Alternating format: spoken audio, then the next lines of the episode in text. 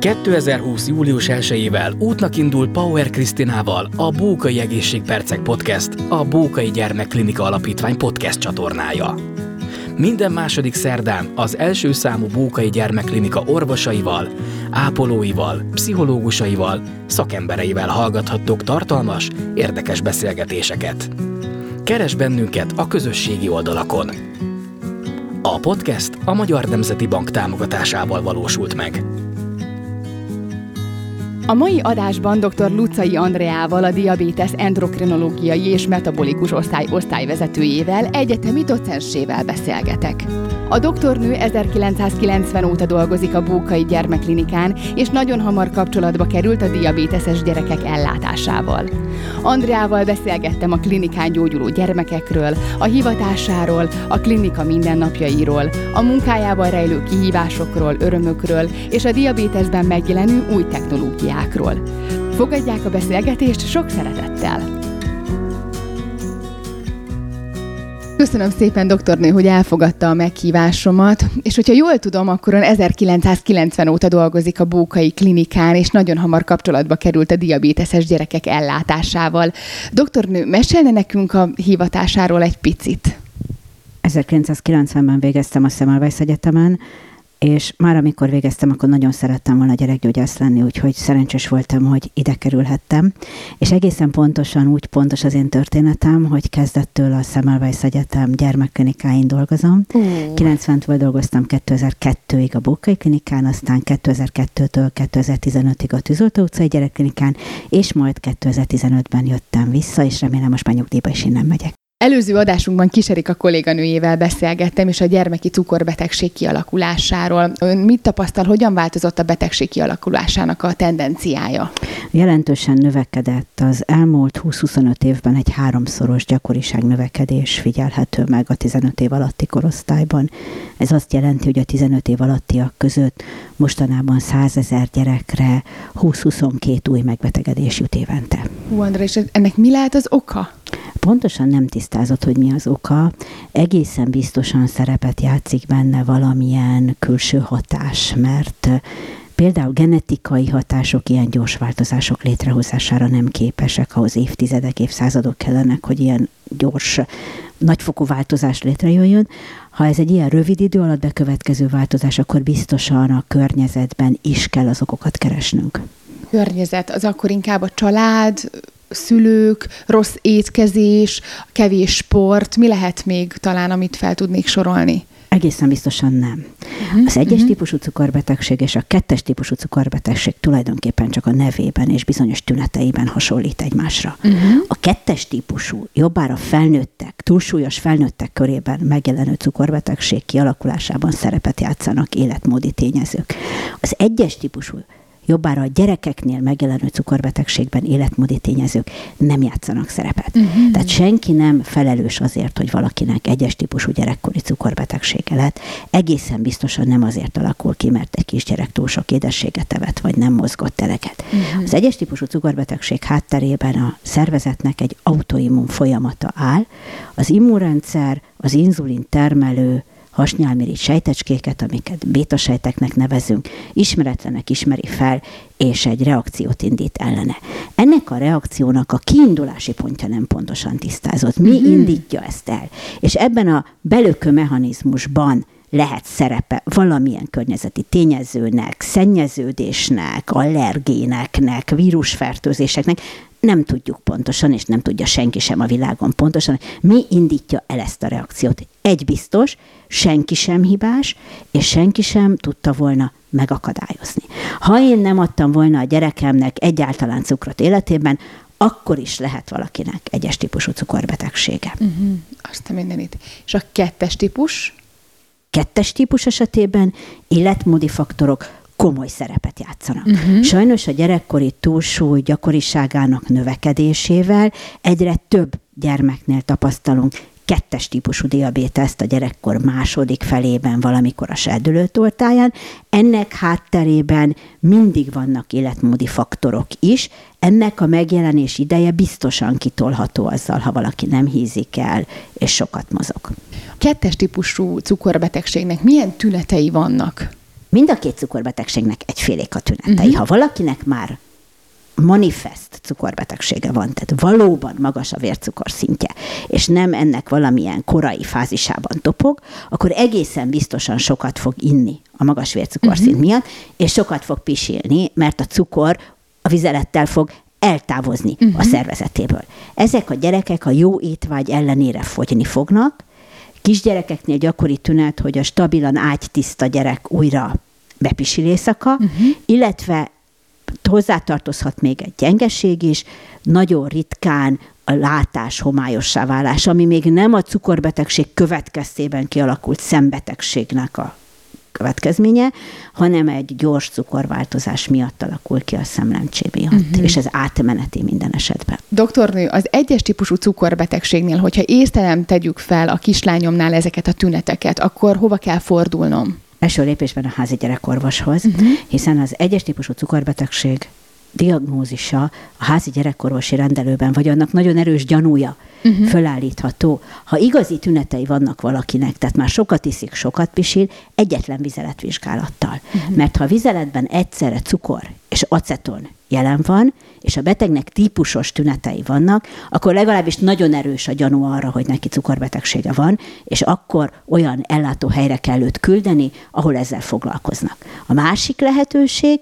szinte minden házi gyermekorvosi rendelőben, illetve minden patikában elérhető egy vércukormérés, amit ilyen pici otthoni mérőkkel végeznek, újbegyszúrással, ha valakinek típusos tünetei vannak, és ha jól lemosott ujjacskájából. 11 fölötti vércukrot mérnek, akkor megint, amíg az ellenkezőjét nem bizonyítják, addig a cukorbetegnek tekintendő, és rögtön szakellátó helyen van a helye. Ezt azért hangsúlyozom ennyire, mert bizony volt olyan történetünk, hogy szombaton délelőtt valaki bement egy patikába, mert azt uh-huh. gondolta, hogy a gyerekének cukorbetegsége van, ott mértek egy 18-as cukrot, és megnyugtatták őket, hogy ha most nem eszik cukrot három napig, akkor nyugodtan várjanak hétfő reggelig, és akkor menjenek el a házi gyerekorvoshoz, és kérjenek egy beutalót.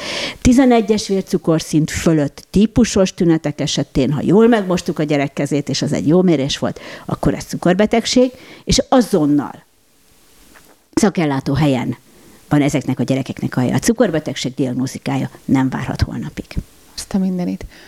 Utána, házi orvos után eljövünk az ellátóhelyre, és utána milyen teendőink vannak? Az egyes típusú cukorbetegség, ahogy mondtam, azért jön létre, mert elpusztulnak az inzulin termelő uh-huh. sejtek. Ami elpusztult, azt nekünk potolnunk kell. Ha nincs inzulin, akkor inzulint kell adnunk. Uh-huh. Az egyes típusú cukorbetegség gyógyszere a mai tudásunk szerint kizárólag az inzulin adása, és az inzulint kizárólag injekció formájában valahogy a bőr alá kell bejuttassuk. Uh-huh. Tehát ezek a gyerekek akkor inzulinkezelést kezdenek kapni, és majd erre épül rá ezzel egy időben a cukorbetegség ellátásának másik két nagyon fontos pillére. Az egyik a rendszeres vércukormérés, a másik pedig az a fajta diéta, amit az egyes típusú cukorbetegség ellátása, kezelése a mai tudásunk szerint igényel. Doktornő, milyen változások voltak a betegség kezelésében így az elmúlt időszakban? Az egyes típusú cukorbetegség kezelése rohamléptekben változik, egyre is újabb technológiák jelennek meg, és hogyha maradunk a három fő pillérnél, akkor elmondható, hogy az inzulin kezelésben jelentek meg új típusú inzulin készítmények, amiknek a hatástartama sokkal jobban kiszámítható, uh-huh. mint a korábbiaké, mind a rövid hatásúaké, mind a hosszú hatásúké, és ami az inzulin adagolásában a legnagyobb újdonság az az, hogy az injekció helyett most már ugyan 20 éve, de egyre újabb változatokban áll rendelkezésünkre az inzulinpumpa, ami folyamatosan adagol meghatározott mennyiségű inzulint, még mindig a bőr alá, és mindig ugyanabban a gyógyszerformában, de ez mindenképpen egy olyan eszköz, ami nagyon nagy jelentőségű. Ha a vércukormérés vonalán haladunk, hogy mi a korszerűbb az új szúrástól, akkor azok a folyamatos cukormonitorok, amiket egyszerűen szenzornak nevezünk, amik szintén egy bőr alá behelyezett kanülke segítségével 5 percenként, valami percenként méri meg a betegnek ezt a szövet közötti cukorszintjét, ezzel csökkentve az újszurások számát, illetve két újszurás között is nagyon pontos információt szolgáltat a gyerek aktuális cukráról. És hogyha a harmadik pilléről, a diétáról beszélünk, mi azt gondoljuk, hogy a diéta még mindig nagyon fontos része az egyes típusú cukorbetegek ellátásának, itt pedig újabb és újabb applikációk állnak rendelkezésre, amik akár egy fotó segítségével segítenek a betegnek meghatározni, hogy mennyi szénhidrát lehet az ételében. Doktornő, hogyan mérjünk otthon cukrot? Azt gondolom, hogy bárkinek lehet bármikor cukrot mérni, de nagyon fontos, hogy ismerjük, hogy hogyan kell ezt csinálni. Tehát például étkezés után másfél órával van értelme vércukrot mérni valakinek, és ez nem az étkezés megkezdése előtt a nagy családi ebédnél, amikor három órán keresztül leszünk, hanem az utolsó falat lenyelése után másfél órával mérjük meg a vércukrot, ha komolyan akarunk érdemi értéket nyerni. És nagyon gondosan mossuk meg az ujjacskát, amiből a vércukrot mérjük, mert ha cukorral érintkezett valaki, akkor az bele fog mérődni, és hamisan magas adatot hoz. Erre a kedvenc példám az, amikor egy kisfiúnál a vasárnapi ebéd után mert a nagypapának volt otthon vércukormérője, és a gyereknek semmilyen tünete nem volt, megmérték a vércukrát, ami magasnak bizonyult, és aztán egy kétnapos kivizsgálás végeredményeként kiderült, hogy nagyjából az almáspite porcukrát mérték bele a kezébe. Tehát mérjünk cukrot, ha úgy gondoljuk, de nagyon fontos, hogy legalább másfél óra teljen el az utolsó falat lenyelése után, és gondosan tisztítsuk meg azt az ujjacskát, amiből a cukrot vérjük. Doktornő, mit jelent önnek a legnagyobb kihívást ebben a hivatásban? Azt hiszem az, hogy én nem ismerek egyetlen olyan más betegséget sem, ahol az orvosnak ennyire csak, ki, csak kísérő szerepe van a családok mellett. Tehát lehet egy diabetológus nagyon-nagyon jól képzett, nagyon-nagyon tájékozott a szakirodalomban, tudhat minden új kütyűről mindent, hogyha a betegeinek ezt nem tudja úgy átadni, hogy neki csak támogatni, kísérni kelljen ezeket a betegeket, családokat, akkor nem lesz a betegeinek jó anyagcseréje. Tehát mi kívülről tudunk tanácsokat adni, de betegek, a gyerekek, nem szeretjük őket betegeknek hívni, az esetek 99%-ában az idő 99%-át a családjukkal töltik, iskolába járnak, sportolnak, élik az életüket, tehát nekik kell minden információval rendelkezni. Tehát én úgy gondolom, hogy itt tényleg az orvos azt teheti, hogy kívülről rá tud nézni erre a szituációra, és ismerjük azokat a helyzeteket, amikor bolyongunk egy problémában napokig, és jön valaki felülről ránéz arra, amit csinálunk, és azt mondja, hogy nem látod, itt a hiba. Hát valahogy ilyen egy diabetológus is, hogy átnézi az elmúlt hetek vércukorértékeit, történéseit, és segít abban, hogy talán a diétát így megváltoztatva, talán az inzulint úgy adva, talán a vércukormérési szokásokat így megváltoztatva, hogyan lehet jobbat csinálni, de utána a beteg megint kilép a rendelőből, és a tovább éli az életét, és ha átment ez az ismeret, akkor jobbak lesznek a vércukrai, ha nem ment át, akkor az orvos nem tud csinálni semmit sem. És mi a tendencia? Azért a szülők gondolom azért ezt nagyon szigorúan veszik, amit önök mondanak, szakmailag tanácsolnak. Én erről azt gondolom így 30 év után, hogy ugyanúgy viselkednek a szülők a diabétesz helyzetében, mint bárhogy az életben. Tehát azok, akik képesek szabályokat követni, azok fogják tudni követni a szabályokat, akik nem képesek szabályokat követni, mert, mert olyan típusú emberek, azoknak ez jóval nehezebb lesz. És ez egy nagyon nagy tanulság arra, hogy kivel, mikor, hogy kell bánni, vagy kinek milyen kezelésmód a legmegfelelőbb. Hogy van olyan kezelésmód, amiről én tudom, hogy nagyon szabálykövető, nagyon szigorú napi rendet követő családoknak egy ideális kezelésmód lehet akár évekig, és csak napi két szúrással jár. És van olyan család, aki, aki ezt nem tudja vállalni, objektív vagy szubjektív okokból, és akkor számukra ezt talán valóban nem kell erőltetni, és meg kell találni azt a lehet, hogy több szúrással, tehát az én olvasatomban kényelmetlenebb, de flexibilisebb kezelést, ami, ami számukra jobb. Azt szoktam mondani, hogy azért igyekeznünk kell a diabétest szabni a családok életéhez, az egyének életéhez, és nem az egyének életét szabni a cukorbetegséghez. Milyen új technológiákat lehet felfedezni ebben az egész szakmában és a hivatásában? Azt gondolom, hogy a már említett szenzorok és pumpák azok tényleg újdonságot jelentenek. A hétről hétre az túlzás, de évről évre. Uh-huh, uh-huh. És ugye könnyű belátni, hogy a igazi nagy dolog az az lenne, hogyha ezt a folyamatos cukormonitort össze tudnák kötni az inzulinpumpával, és gyakorlatilag emberi közbeavatkozás nélkül a cukormonitor által mért értékek befolyásolnák az uh-huh. inzulin adagolását, uh-huh. és akkor innentől kezdve a betegnek szinte semmi dolga nem lenne, csak hordani ezeket, meg a megfelelő időpontokba kicserélni a szenzort, meg feltölteni inzulinnal az inzulinpumpát. Ettől még messze vagyunk, de nagyon nagy lépésekkel haladunk felé. Nincs még két hete, hogy Európában bejelentették, hogy a legújabb pumpa európai márkajegyet kapott, és az ősszel megkezdik Európában a forgalmazását. Ez még nem egy tökéletesen zárt rendszer, de már nagyon kis emberi közreműködéssel reményeink szerint az előzetes adatok ismeretében egyre jobb anyagcserét és vércukrot, és egyre könnyebb életet fog biztosítani a betegek számára. Önnek is ez folyamatos tanulás. Abszolút. Olyannyira, mm-hmm. hogy azért mm-hmm. ezek a technológiák nagyon sok nagyon sok időt igényelnek az elején. Uh-huh. Tehát ahhoz, hogy ezekhez a technológiákhoz, az ezek által szolgáltatott informatikai adatmennyiséghez értsünk, vagy egyáltalán segítséget, nem kell nekünk érteni, de segítséget kell tudjunk nyújtani a családoknak, uh-huh. az az elején nagyon sok időráfordítást igényel. Ezek az eszközök ugye mind képesek arra, hogy az adataikat valamilyen többé vagy kevésbé grafikus formában le lehessen tölteni az internetről, akár a beteg jelenléte nélkül is meg lehessen nézni, de azt, hogy a különböző eszközök, különböző szoftvereiben eltájékozódjunk, hogy ezeknek a görbéknek a jelentőségét megismerjük, és azt, hogy hol kell beleavatkozni, hogy ezek a görbék még jobb görbék legyenek, ez az elején sok, aztán egyre kevesebb ráfordítást igényel, de aztán jön egy újabb eszköz, és, és akkor újra kell ezt tanulni. És bizony néha a saját véleményünket is meg kell változtatni. Tehát például a folyamatos cukormonitorok szolgáltatnak most annyi információval, hát ha meggondoljuk, hogy 288-szor megmérik a cukrot, és a uh-huh. legjobb beteg eddig mondjuk naponta mér 12-szer, és azt már lebeszéltük róla, hogy azért annyit nem kell mérni, a kettő között azért elég jelentős mhm. különbség uh-huh. van. És az, ez a rengeteg információ, ez nagyon megváltoztatta. Tehát én azt gondolom, hogy a saját szemléletemet az elmúlt években leginkább ezeknek a folyamatos cukormérőknek az elterjedése változtatta meg. És igen, most mondok olyat egy betegnek, amiről öt éve úgy tűnik, hogy az ellenkezőjét mondtam. Mm hallom is vissza a betegektől, de hát a doktornő mondta azt öt évvel ezelőtt, hogy ez így nem jó, és most meg azt mondom, hogy jó. Az orvostudomány egy olyan dolog, ami változik, és szerintem nagyon fontos, hogy mi meg tudjuk változtatni a véleményünket, meg tudjuk változtatni a szokásainkat, és csak azért, mert én egyszer ezt mondtam, ne ragaszkodjak ahhoz, aminek ma már szembe megy a világ, vagy szembe megy az ismeretanyag. Mit tapasztal az endokrinológia hivatásban leginkább?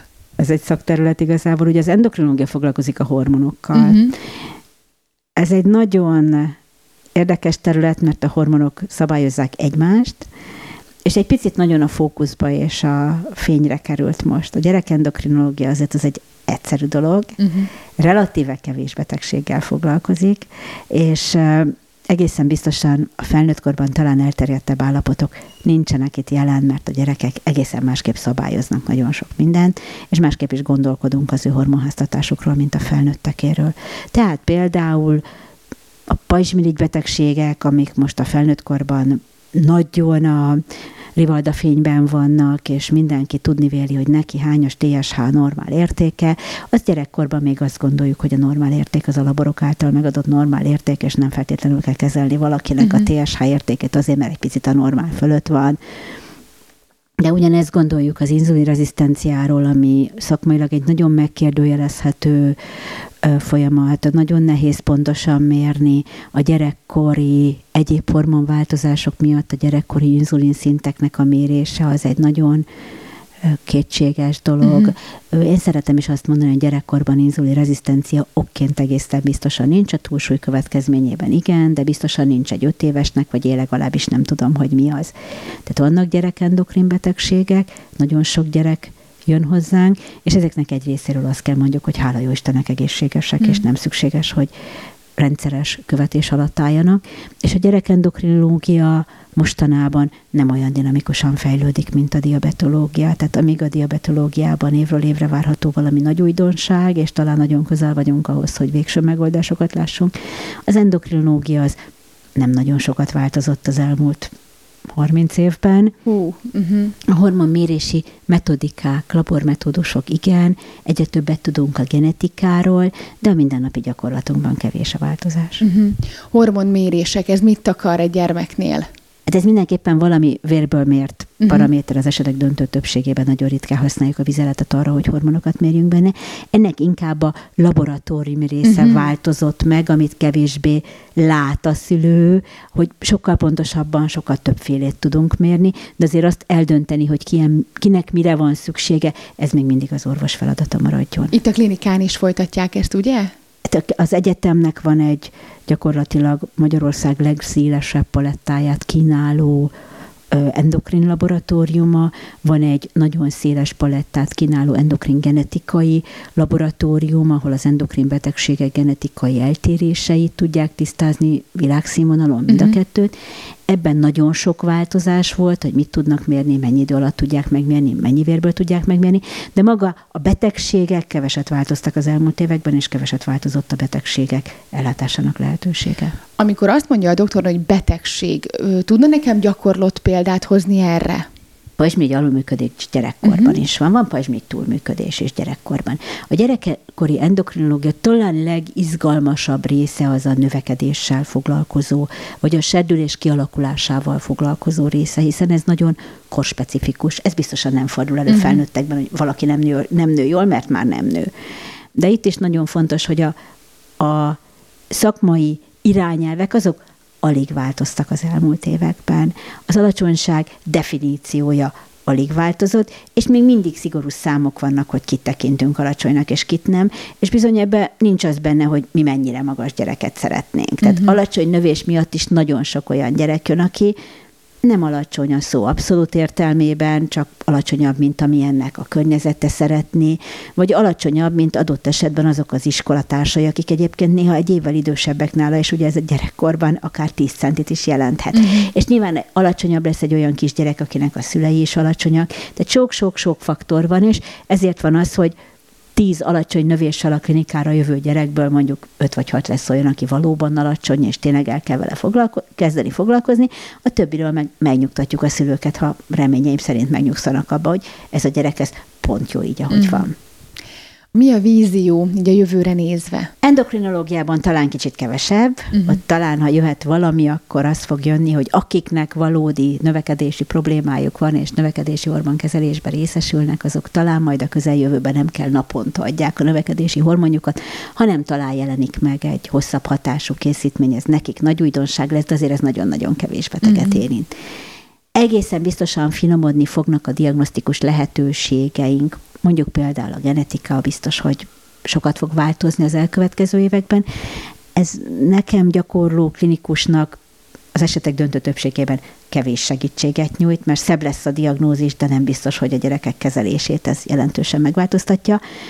Diabetológiában meg az én nagy álmom az, hogy még megérjem azt, hogy az elkövetkező 10-15 évben tényleg megszülessen az a zárt rendszer, ami lehetővé teszi azt, hogy a gyerekeknek, a felnőtteknek gyakorlatilag csak ennek a technikának a működésével kelljen foglalkozni, és, és semmi mással sem. Erre én látok reális esélyt, és persze az is lehet, hogy bármelyik más kutatási ág, hiszen folynak kutatások a inzulin termelő sejtek újra létrehozásával, akár laboratóriumi körülmények között is bejuttatásával a szervezetbe.